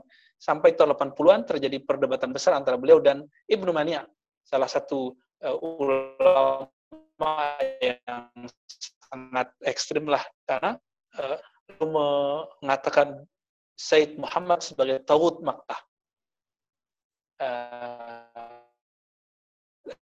uh, Adi Hidayat apa ente Ustadz nukil Tawud Mekah dulu sampai kali ini ke sana uh, jadi teman-teman ini sudah jelas bahwa disebut sebagai Said Muhammad itu punya kitab judulnya Mafahim Yajibu Antusaha itu kitab sangat ilmiah sekali, dalilnya jelas. Bahkan dia menukil kalam Ibnu Taimiyah dan sangat memahami apa maksud Ibnu Taimiyah dengan baik. Enggak diterima. Enggak usah jauh-jauh. Kitab Ar-Ruh yang tadi saya sebut, itu tidak direkomendasikan oleh eh, salah satu syekh salafi di, di Mesir, namanya Muhammad Hassan. Hmm. Yang ini Hassan al-Faruqi, al-Bandungi. Tapi dulu saya nggak kagum ke beliau. ya. Saya download videonya, Muhammad Hassan. Ya, beliau dalam beberapa hal hmm, ya kita masih bisa jadikan beliau rujukan lah. Tapi ketika beliau mengatakan tidak ada dalilnya, tidak ada dalil yang sahih. Di situ saya langsung ilfil. Ilfil kenapa? Loh dia merendahkan imamnya sendiri, Ibnu Qayyim. Ya. Dia merendahkan imamnya sendiri, yaitu Ibnu Qayyim. Tapi di antara di antara mereka itu Muhammad Ihsan lah yang mau diajak ketemu Syekhul Azhar. Maka beliau ditahzir oleh ulama-ulama uh, yang berafiliasi sama dengan dia karena dianggap mau se semajelis dengan ahli bid'ah. Eh, beliau jamaah Ansar Muhammadiyah. Ya, Ansarul Muhammadiyah. Jadi di sana mereka buat kaidah uh, siapa yang membuat komunitas organisasi maka dia telah keluar dari manhaj yang mereka sebut manhaj salaf. Ya, sampai begitu. Maka Syekh Muhammad Hisan dan kawan-kawannya sudah dikeluarkan. Tapi Syekh Muhammad Hisan masih sama dengan mereka. Ya. Jadi jangankan kita, teman-teman, imamnya sendiri, kitabnya ditahzir. Di, di Saudi ada seorang syekh tahzir Madarijus Salikin karya Ibnu Qayyim. Apa arti Madarijus Salikin? Tahapan-tahapan makom-makom para salik, para murid yang hendak menuju ridho Allah Subhanahu wa taala. Ditahzir. Anda bisa bayangkan. Jadi kalau Ustaz Hasan di, di, di, disubhatkan, ah itu mah kecil itu nggak ada masalah. Imamnya sendiri ditahzir. Iya. Eh, jadi kalau kalau orang-orang kayak kita ini yang sudah berbeda dengan mereka lalu disalahkan, antum nggak usah kemudian panik atau kemudian membalas over, nggak usah, santai aja. Idfa billati ahsan, balaslah dengan cara yang bijak. Ya, dengan cara yang lebih baik. Buang buang benci di kolbu. Kita bahas begini bukan lagi mau kecari kesalahan mereka. Kita bahas begini karena kita sayang mereka, sayang diri kita, sayang cinta kepada Allah dan Rasulullah. Sallallahu Alaihi Wasallam. Baik. Baik Bu ya, ini ada ya, lumayan. Pertanyaan berikut, silakan. Baik, ini ada uh, agak apa namanya yang perlu diluruskan kayaknya, ya sedikit. Uh, terdapat hadis yang menjadi pegangan bagi teman-teman yang berpendapat bahwa apa-apa yang dilakukan oleh para sahabat yang dimaksud bukan merupakan bid'ah karena kita diperintahkan pula mengikuti sunnah para khulafaur rasyidin. Ini ditulis tentang hadis yang apa namanya perintah berpegang kepada sunnah Nabi dan sunnah khulafaur rasyidin, Bu ya. Oke. Okay. Nah, adapun ulama uh, yang menyatakan betul. Adapun ulama yang menyatakan adanya bid'ah hasanah. Ibnu Hajar Al-Hitami mengatakan berkata bahwa sannya bid'ah hmm. syar'iyah pasti sesat. Berbeda dengan bid'ah secara bahasa. Ini Al-Fatawa Al-Hadithiyah Al-Fatawa Al-Hadithiyah apa ini? Oke. Okay. Nah, hal ini terjadi seperti yang dikatakan Umar sebaik-baik bid'ah adalah ini. Nah, mm -hmm. jadi ini Ibnu Rajab berkata, adapun perkataan ulama salaf yang menganggap adanya bid'ah hasanah, maka yang dimaksud adalah bid'ah lugawi, bukan menurut istilah syar'i. Nah, bagaimana menyikapinya, Bu ya? Oke. Okay. Hmm. Hmm. Baik. Suara saya masih jelas nggak? Masih jelas. Mudah-mudahan tidak terputus. Karena Baik. ini Nah, teman-teman makan Allah, teks tadi itu juga ada dalam kitab Iqtida Siratul Mustaqim karya Imam uh, Ibnu Taimiyah. Ya? Masih jelas? Jelas Bu ya? Saya. Jadi tidak hanya di kitab fatwa tadi, tapi juga ada dalam kitab Iqtida Siratul Mustaqim. Lalu eh, risalah Ibnu ini kan eh, ber, eh, bersebaran dan beberapa kitab itu judulnya beda, ternyata isinya sama. Mungkin karena beda ahli tahqiqnya, jadi mereka mengira teks yang berbeda padahal isinya sama. Kalimat yang tadi bukan hal yang baru yang kita baca. Sebelum kita masuk kepada apa yang disebut bid'ah syariah, bid'ah lugawiyah, coba antum lihat tadinya menolak pembagian bid'ah. Giliran Ibnu Taimiyah membagi bid'ah jadi dua, kok antum terima? Apa kata Ibnu Taimiyah? Yang disebut oleh oleh Omar, ni'matil bid'atu hadhihi. Sebaik-baik bid'ah adalah ini. Lalu Ibnu Taimiyah kasih nama itu. Namanya tidak ada di hadis. Namanya ada di mana? Di dalam teks Ibnu Taimiyah dan Omar tidak pernah kasih nama itu. Apa nama yang dikasih Ibnu Taimiyah? hazihi bid'atun lughawiyah. Ini disebut bid'ah secara lugawi. Coba antum cek di riwayat ini, adakah Ibnu Umar mengatakan ini bid'ah lugawi loh? Ibnu Umar eh, eh, Umar hanya mengatakan ni'matul ni'matil bid'atu hadhihi. Nikmat-nikmat bid'ah lah ini orang barangnya. Oke? Okay? Itu tanggapan saya pertama. Jadi katanya nggak boleh bagi bid'ah.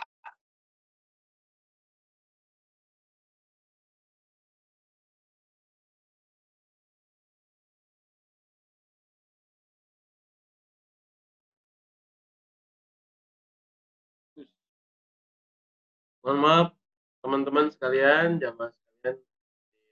Terus iman antum diuji, Ustaz.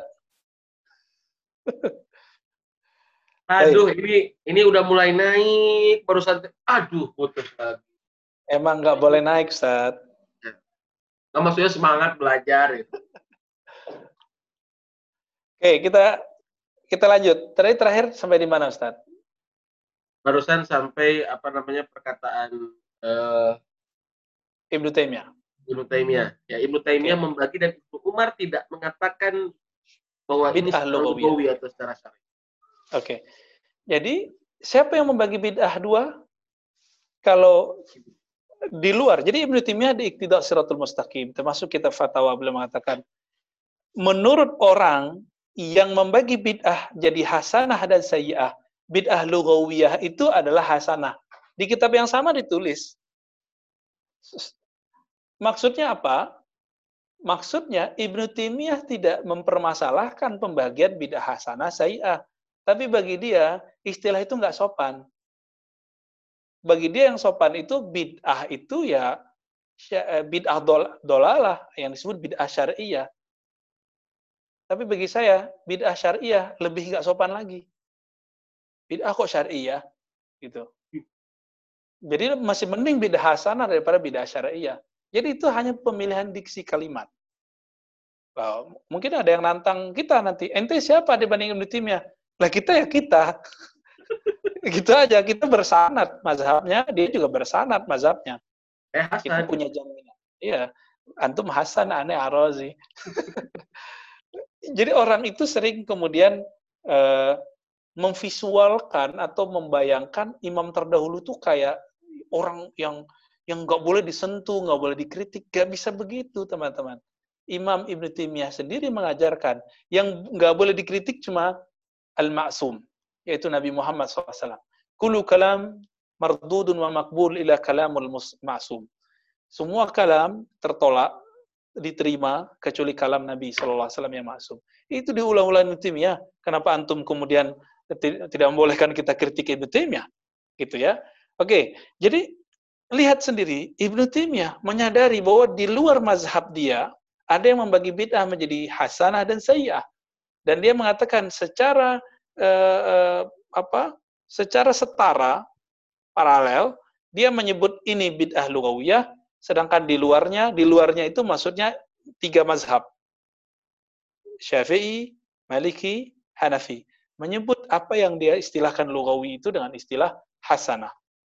Dia faham. Coba uh, antum baca lagi deh. Kecuali kalau antum nukilannya nukilan pakai pakai blog, pakai WA ya, nggak ketemu tuh teksnya.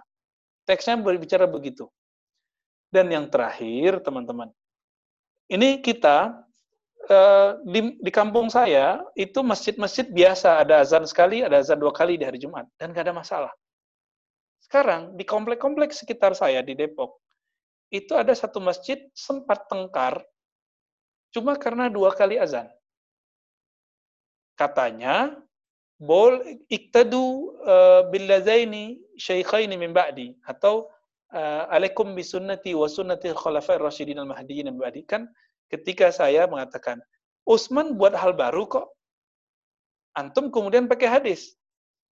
Oh Nabi kan suruh mengikuti khalifah Rasyidin. Oke, kalau antum sudah membuka lebar bagian ini, lalu kenapa dibid'ahkan azan dua kali hari Jumat? Ya kan? Ini contoh aja nih, contoh sederhana. Kenapa dibid'ahkan azan dua kali di hari Jumat? Bahkan beberapa itu di buku-buku fatwa mereka mengatakan mengikuti Nabi lebih utama.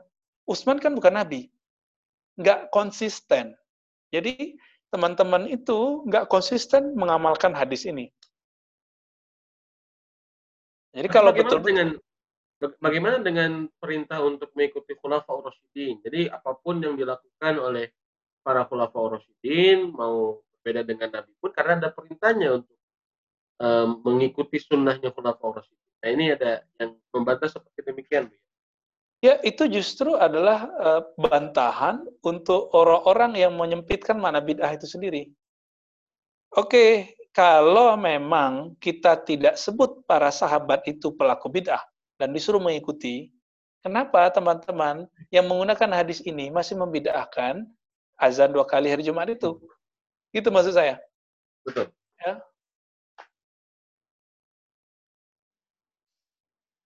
Oke. Okay. Lanjut next next question apa? Oke, okay. ini masih ada pertanyaan. Assalamualaikum Buya, pernah dengar hujah dari grup sebelah? Grup sebelah grup yang mana ini? Sebelah Ustaz ya, ini kita banyak terminologi sebelah-sebelah, nggak tahu ini domirnya baliknya ke mana nih. Kalau Imam Nawawi mengatakan ada bidah hasanah, lalu yeah. mengapa Imam Nawawi mengingkari orang yang mengiringi jenazah sambil membaca zikir bersuara? Bukankah okay. membaca zikir adalah baik? Karena belum sampai kepada Imam Nawawi riwayat yang sahih mengenai ada sahabat dan tabi'in ketika orang meninggal, lalu kulu la ilaha illallah. Jadi ternyata itu ada di riwayat Musannaf Abdul Razak. Di masa Imam Nawawi, Musannaf Abdul Razak salah satu manuskrip naskah yang diperdebatkan keberadaannya. Walaupun beliau dapat, beliau dapat dari naskah yang lain, ya karena dulu belum dicetak, belum ditahkik, maka beliau memilih untuk lebih hati-hati. Lebih kurang itu. Ya. Jadi itu masalah furu, itu bukan masalah akidah, ini hanya masalah fikih. Itu masalah fikih dan antum kalau bicara fikih, pesan saya cuma satu, siap-siap berbeda. Karena fikih itu artinya pemahaman, beda orang, hadisnya sama akan beda hasil. Ada satu hadis, dibaca oleh Imam Syafi'i, itu menjadi positif. Dibaca oleh Imam Ahmad menjadi negatif. Itu banyak. Dalil yang sama, tapi dibaca oleh dua orang yang berbeda, hasilnya beda. Ya, nggak usah jauh-jauh, hadis man ahda safi amrina haza, itu dalil bagi kita. Tapi kok beda pemahaman dengan orang yang membaca hadis yang sama.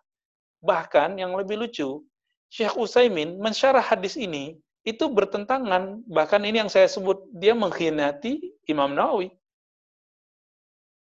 Selevel Syekh Utsaimin ketika menjelaskan hadis ini, dia kemudian seakan-akan menentang Imam Nawawi. Imam Nawawi membuka celah pembagian eh, bid'ah. Tapi Utsaimin bilang, Nabi nggak nggak nggak bagi kok, masa dibagi gitu. Itu sekelas imamnya sekarang udah begitu. Antum bisa bayangkan jemaahnya gimana?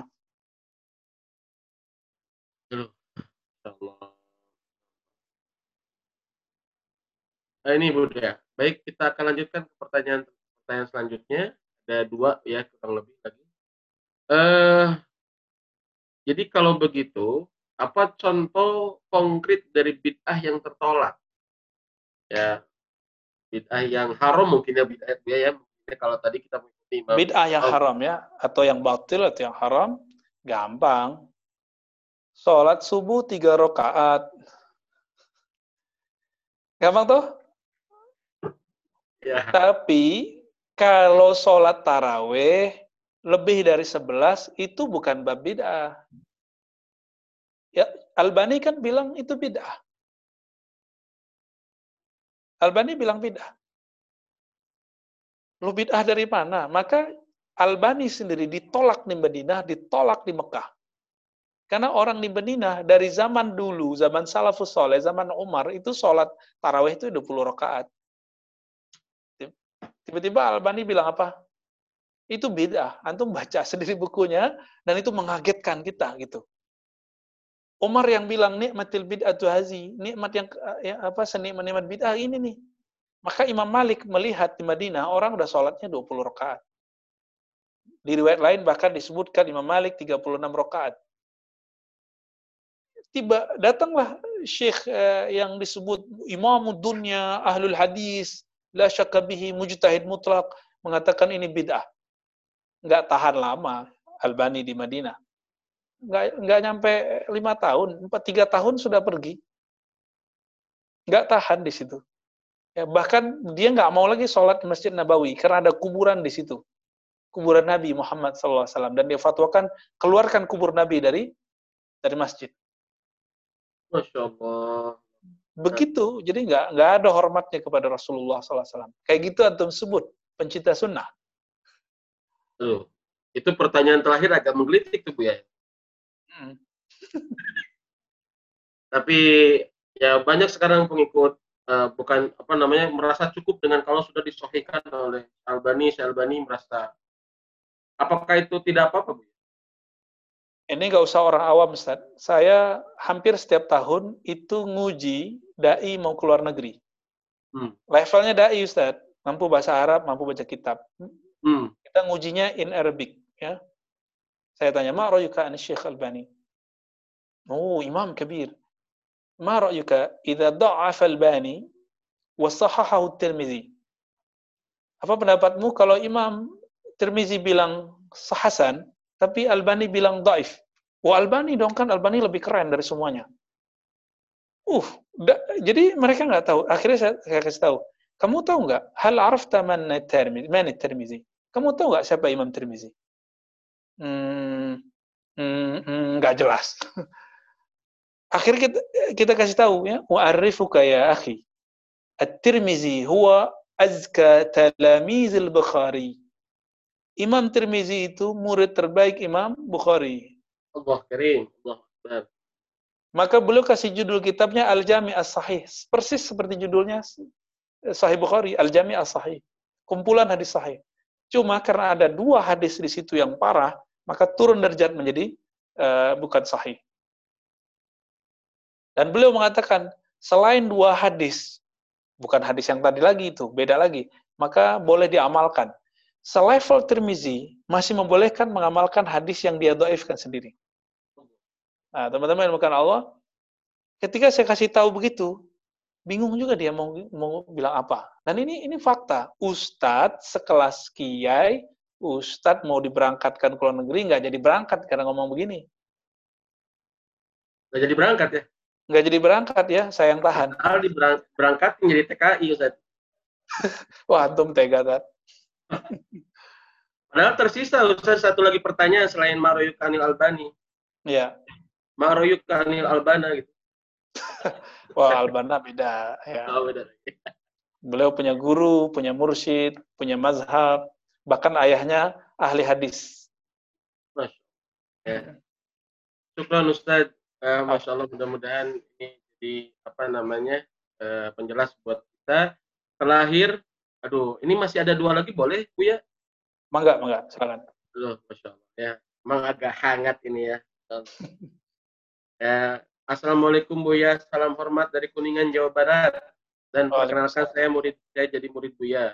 Perkenankan saya jadi murid Buya. Wah, jangankan Anda, saya juga belum diterima ya, Buya. Maaf Buya, tolong pencerahannya, urutan gelar dan generasi tokoh-tokoh Islam dari zaman ke zaman hingga sekarang.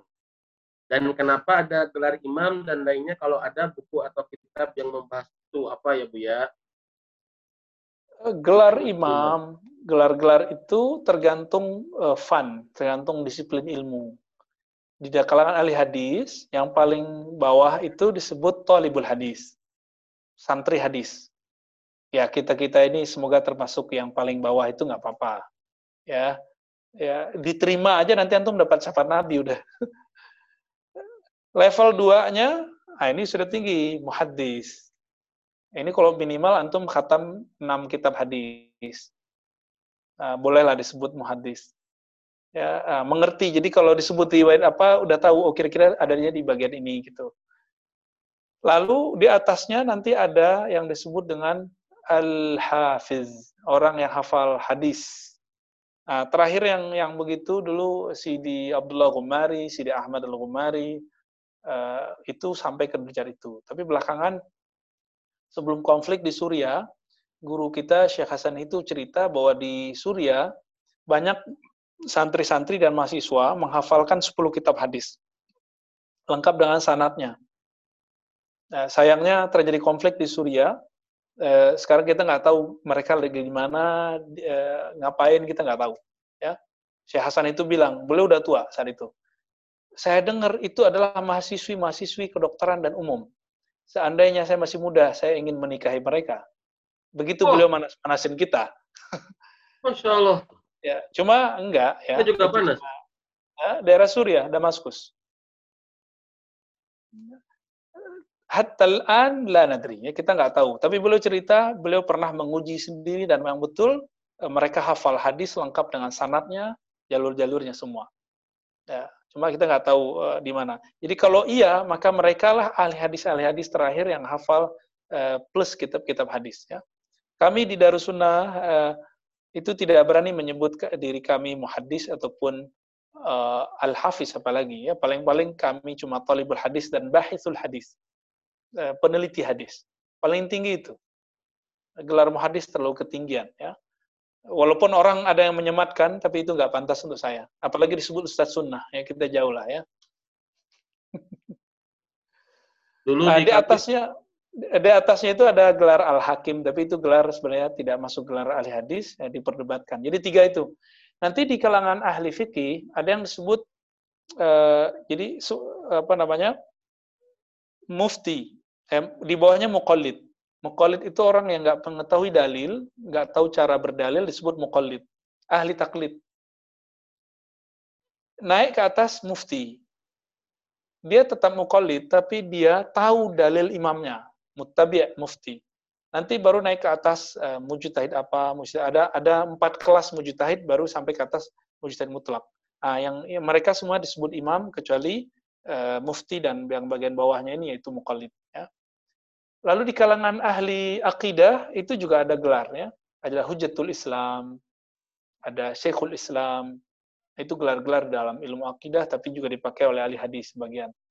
Ah, lalu ada di kalangan ahli kolbu, ahli torikot, ahli sufi, itu ada sebutan murid, ada sebutan syekh mursyid, ada sebutan wali, ada wali kutub, wali gaus, ah, itu itu ada ada bagian-bagiannya. Eh, buku tentang ini dulu kita melihat ada risalah kecil karya Syekh Syed Abdullah Umari, tapi belum diterjemah. Nunggu Ustadz Hasan yang terjemahin. Ya, tafadhol ya. Ustaz. Ya, saya masih mukolid. Dulu kami gelar muhadis itu bagi santri-santri yang belajar ilmu mustalah hadis. Oh, belum Ustaz. Mohon maaf, bahkan dokter UIN, dokter IAIN, dokter Al-Azhar, dokter dokter dokter kampus. Kalau dibilang jurusan hadis, itu kebanyakan ju, dia dokter mustalah hadis, dokter ahli istilah hadis. Hmm. Dia bukan dokter muhadis. Karena dokter muhaddis harus ngaji kepada guru membaca satu persatu teks tersebut. Gitu. Muhaddis itu beda dengan musnid. Musnid itu punya sanat banyak, tapi belum tentu dia ahli hadis. Mungkin dia cuma kolektor ijazah. Ini banyak nih sekarang, hati-hati antum nanti. Ya, buat daurah-daurah Al-Quran, daurah-daurah khataman hadis. Ternyata dia nyusup. Oh, ya, di daerah di daerah Jawa Barat ada. Ya, saya nggak usah sebut namanya karena itu rahasia. Uh, awalnya mereka nggak punya sanat, lalu mereka buru sanat karena kita sering mengatakan ahlu sunnah kok nggak bersanat. Tapi ketika kita cek sanat Qurannya, mereka kan mengatakan sufi zindik. Tapi ketika kita cek sanat Qurannya, dua orang di atasnya sudah sufi semua sampai ke Imam Zakaria Al-Ansari. Jadi mau mau lari ke mana cari sanat, semua sanat itu ya ya bermazhab, ya bertorikot, ya sufi, ya asyari gitu. Ke mana-mana begitu, nggak bisa lari lagi. Fa'ainal mafar, ya. Fafirru ilallah. Ya. Fa'ina tadhabun. Hmm. Nah, ini ada lagi Bu ya. Mungkin kurang lebih tiga menit lagi ya. Ini pertanyaan uh, dua pertanyaan terakhir lah. Assalamualaikum mengenai syarah-syarah hadis yang ternyata berbeda visi dengan maksud yang akan disampaikan oleh Imam Anawi tersebut dan tidak menutup kemungkinan banyak syarah-syarah yang tidak sesuai dengan maksud para penulis kitabnya. Di Indonesia saat ini menurut Buya, siapa yang menjadi rujukan kami dalam menuntut ilmu, baik Al-Quran, hadis, akidah, fikih, dan lain-lain. Ini kalau nanya ke saya, langsung saya jawab ini Buya. Ayo, antum aja yang jawab. Ya, saya jawab ya Buya Rozi Has. Ya. Oh itu keliru itu. itu saya kalau saya tanya saya jawab langsung. Baik Bu ya, silakan mungkin ada ulama-ulama yang bisa jadikan sebagai rujukan kami sebagai pembelajar supaya lebih terjaga begitu. Ya, teman-teman, Indonesia termasuk sangat maju kajian fikihnya. Maka di eh, pesantren-pesantren itu ada Bahsul Masail, di Muhammadiyah ada Tarjih, ya di Persis ada apa namanya Hisbah ya. Dewan Hisbah. Dewan Hisbah. Dan itu sangat maju. Jadi pergolakannya uh, mirip-mirip seperti apa yang terjadi di Timur Tengah. Dan justru persoalannya lebih kompleks dan kadang-kadang muncul kaedah-kaedah baru di tengah uh, perdebatan. Untuk fikih, saya tidak menyarankan antum keluar, tapi carilah guru yang sekolahnya punya basic di dalam negeri dan nyantri di dalam negeri. Jadi teman-teman jangan lihat orang ini tamatan S1, S2, S3-nya di mana. Tapi tanya dulu, dia nyantri dulu di mana. Ini paling penting. Karena ilmu alat itu ada semua di eh, Sanawiyah dan Aliyah. Nah, kita udah cek ini ada Ustadz, dia nggak pernah nyantri, tapi langsung kuliah ke salah satu negeri di Timur Tengah, pulang-pulang nggak mengerti fikih Indonesia. Apa yang terjadi? Semua yang beda dalam pikiran dia dianggap bid'ah doktor padahal ya doktor tapi nggak ngerti persoalan maka saya ingat juga kisah uh, Buya Hamka waktu mau ngaji di Haramain dulu Mekah Madinah langsung dipanggil oleh uh, pamannya. Uh, siapa yang pejuang kita yang punya jenggot yang disebut jenggot kambing Ustaz? Agus Salim? Kacam. ah ya oke. Okay. itu omnya uh, Buya Hamka apa kata beliau? Ente pulang. Jadilah seperti ayahmu yang mengerti ahli agama, yang mengerti persoalan negerimu sendiri. Setelah 30 tahun, Agus Salim meninggal, Buya Hamka diundang ke salah satu tempat di Malaysia. Ketemu temannya yang 20 tahun lamanya di Madinah, hanya jadi tukang doa, tidak bisa ngajar. Buya Hamka cuma 6 bulan di Mekah, bisa ngomong bahasa Arab, bisa ngajar uh, lebih bagus dari orang yang 20 tahun itu. Maka beliau mengatakan, sungguh benar apa yang diwasiatkan omku, pamanku, uh, Buya Haji Agus Salim. Ya, itu ulama juga. Ya. Haji Agus Salim itu dikira nggak bisa bahasa Arab oleh mahasiswa Kairo, mahasiswa Mesir. Ketika datang ke Mesir, itu orang-orang mahasiswa berperan jadi penerjemahnya udah beberapa hari. Ketika ada acara resmi, Agus Salim bilang, kamu gak usah uh, nerjemahin saya, biar saya ngomong sendiri ternyata bahasa Arab itu lebih fasih daripada mahasiswa yang ada. Maklum ya, konsulat, konsulat di Jeddah. Karena ada orang alim itu dia belum bicara, bukan berarti dia dia nggak tahu. Dia mengerti tapi dia biarin aja orang begitu dulu gitu. jadi antum sabar-sabar ketemu orang alim. hmm. Allahu Akbar. Buya terakhir kita tutup nih pertanyaannya ya supaya tidak uh, yang masalah kayak begini kopi hitamnya harus dua gelas ini kayaknya ya. Udah habis habis ya baik ini terakhir Bu ya sederhana tapi mudah-mudahan jadi uh, menyejukkan buat kita ya di tengah perjalanan yang agak memanas barusan begitu ya. Nah, bagaimana cara untuk mempersatukan umat di tengah kondisi yang masih saling menyalahkan dan merasa paling benar. Mudah-mudahan ini juga sebagai closing statement terakhir Bu ya, ya di dalam kajian kita hari kelima. Padahal Bu ya. Baik, teman-teman yang makan Allah, eh, tidak ada jalan kecuali jalannya Nabi. Maka kalimat uh, uswatun hasanah, kata uswah itu artinya bukan hanya mencontoh, tapi uswah itu artinya sawa. Saya meniru Nabi plek seperti apa Nabi lakukan, saya lakukan seperti itu. Nabi sebelum mengajarkan fikih 10 tahun di Madinah, yang beliau lakukan adalah merawat kolbu para sahabat 13 tahun. 13 tahun lamanya. Maka antum jangan dibalik. Belajarlah akhlak dulu, belajarlah adab dulu, baru masuk ke fikih. Belajar dulu adab penuntut ilmu hadis, baru belajar hadis. Adab orang yang belajar fikih, baru belajar fikih. Adab-adab ini sekarang tidak diajarkan oleh ustadz eh, kebanyakan di sosmed, di kajian-kajian umum, tapi hanya diajarkan di pesantren-pesantren kecil, pesantren-pesantren yang yang sudah mulai tergerus. Akhirnya apa yang terjadi? Eh, orang ketika berbicara agama hari ini tidak pakai adab.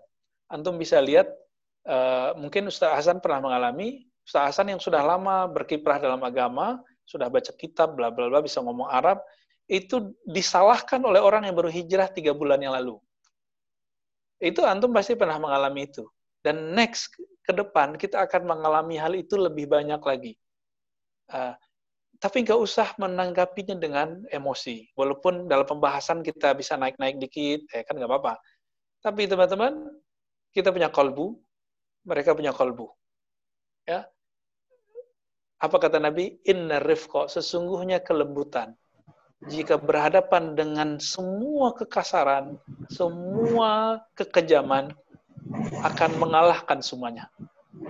Makanya Nabi Shallallahu Alaihi Wasallam ketika beliau dihujat, dihina, dinista, itu tidak pernah membalas dengan emosional. Ya. Nah, saya minta ampun kepada Allah jika saya pernah emosional kepada orang yang tidak faham atau membahas dengan menggebu-gebu. Ya itu itu mungkin sisi manusiawi kita yang juga anugerah dari Allah Subhanahu wa taala. Semoga anugerah ini tidak pernah kita tempatkan di tempat yang salah. Ya, marah karena Allah, eh, sayang karena Allah. Bukan marah karena khawatir uh, eksistensi kita rusak? Tidak. Uh, tapi karena kita ingin i'la'u kalimatillah taala. Maka pesan saya cuma satu teman-teman. Tanam tabung nama Allah di kolbu. Maka nama Allah ini nanti akan memancar di lisan kita, di fiil kita, perbuatan kita, barulah kita kemudian berdakwah kepada orang.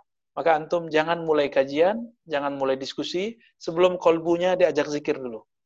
Maka coba lihat saya kalau mau ceramah saya biasanya diam dulu.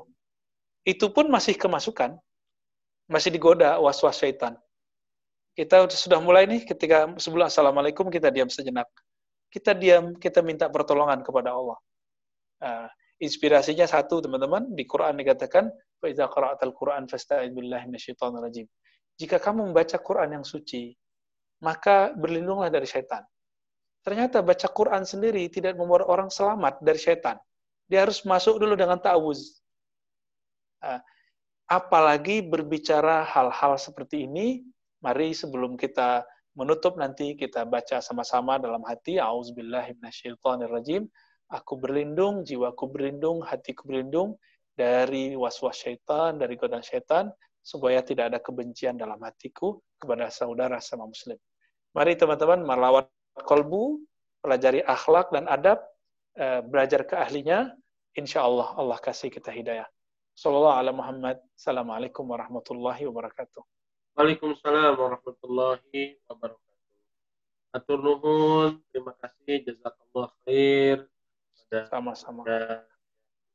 Di Hafizahullah yang sudah memberikan banyak uh, penerangan buat kita semua. Teman-teman sekalian, Alhamdulillah kajian malam ini tidak terasa, Masya Allah ini terlama kelihatannya ya, karena ini sudah memasuki jam 21.41 ya, tapi Alhamdulillah masih bertahan dan Alhamdulillah uh, berapa apa nama jumlah kita kali ini teman-teman kita yang ada ada 70 kurang lebih yang hadir di kesempatan malam kali ini. Mudah-mudahan ini semakin mengokohkan kita pemahaman agama kita semakin semangat belajar lagi dengan cara yang benar memahaminya dengan cara yang uh, sesuai dengan dipahami oleh para ulama ya dan tentu tadi nasihat tadi mengingatkan kepada kita kita apa namanya harus lebih lagi belajar tentang hati sebelum masalah lain ya terima kasih teman-teman sudah hadir di kesempatan malam kali ini dan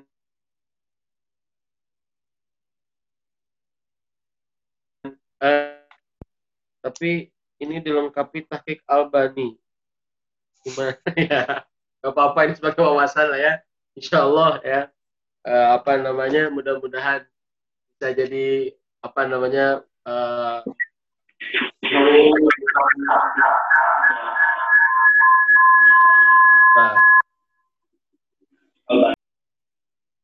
ya sebab buku terima kasih yang sudah mendonasikan buku ini mudah-mudahan jadi kebaikan uh, dan adapun yang kami jadikan sebagai apa namanya berhak untuk mendapatkan buku ini. Yang pertama adalah pertanyaan terakhir barusan yaitu di atas nama Cindy Taufik Abdillah.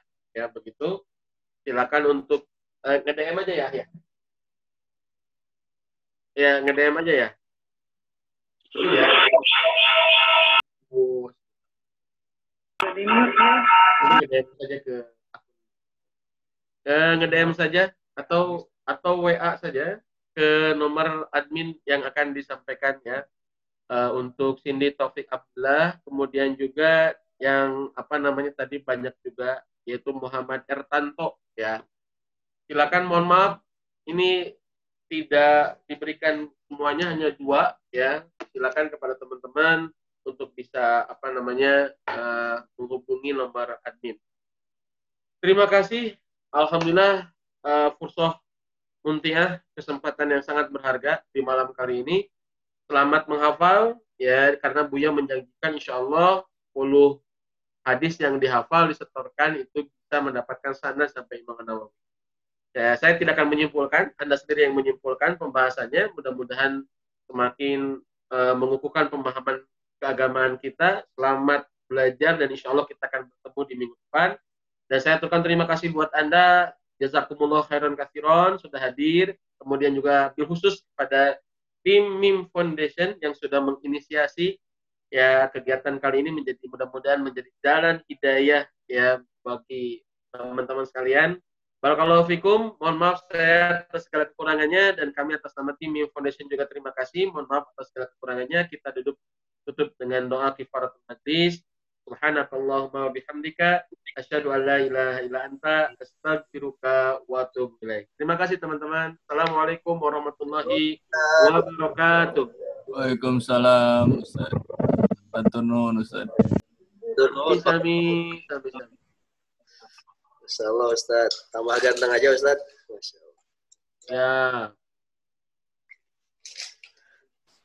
Yuk, siap. Siap, Dede. TJJ absensi, jangan lupa TJJ. Siap, Ustaz. Setoran, Ya. setoran hadis, Ustaz. Setor hadisnya teman-teman. Surah hadisnya ya, jangan lupa teman-teman ya. Iya, ente Eh. berdoa tante. Astagfirullah. Iya, tadi itu mengingatkan diri sendiri tadi. Ya.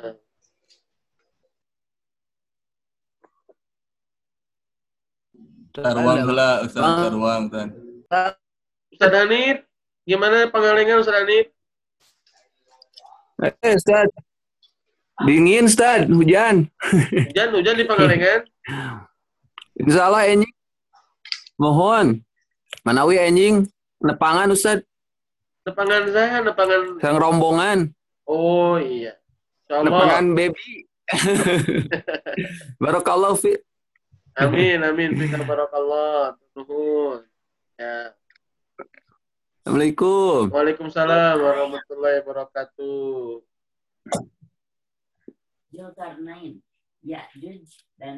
Teman-teman yang dapat buku tes Cindy sama Pak Muhammad Ertanto, mangga ya di japri saja. Sudah ditulis nomor WA-nya, silakan. Atur nuhun, saya mohon izin. Assalamualaikum warahmatullahi wabarakatuh. Waalaikumsalam warahmatullahi wabarakatuh. Ayo goes goes besok pakai tuh goes. Insyaallah insyaallah.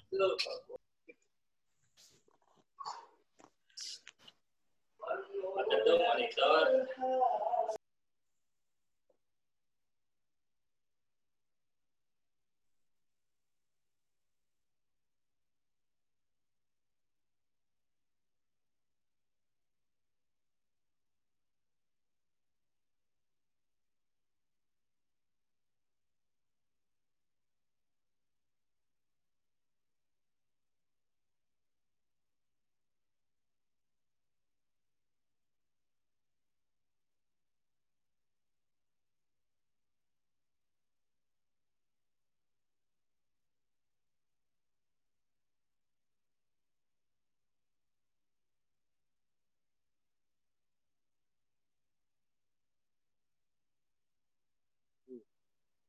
Mm-hmm.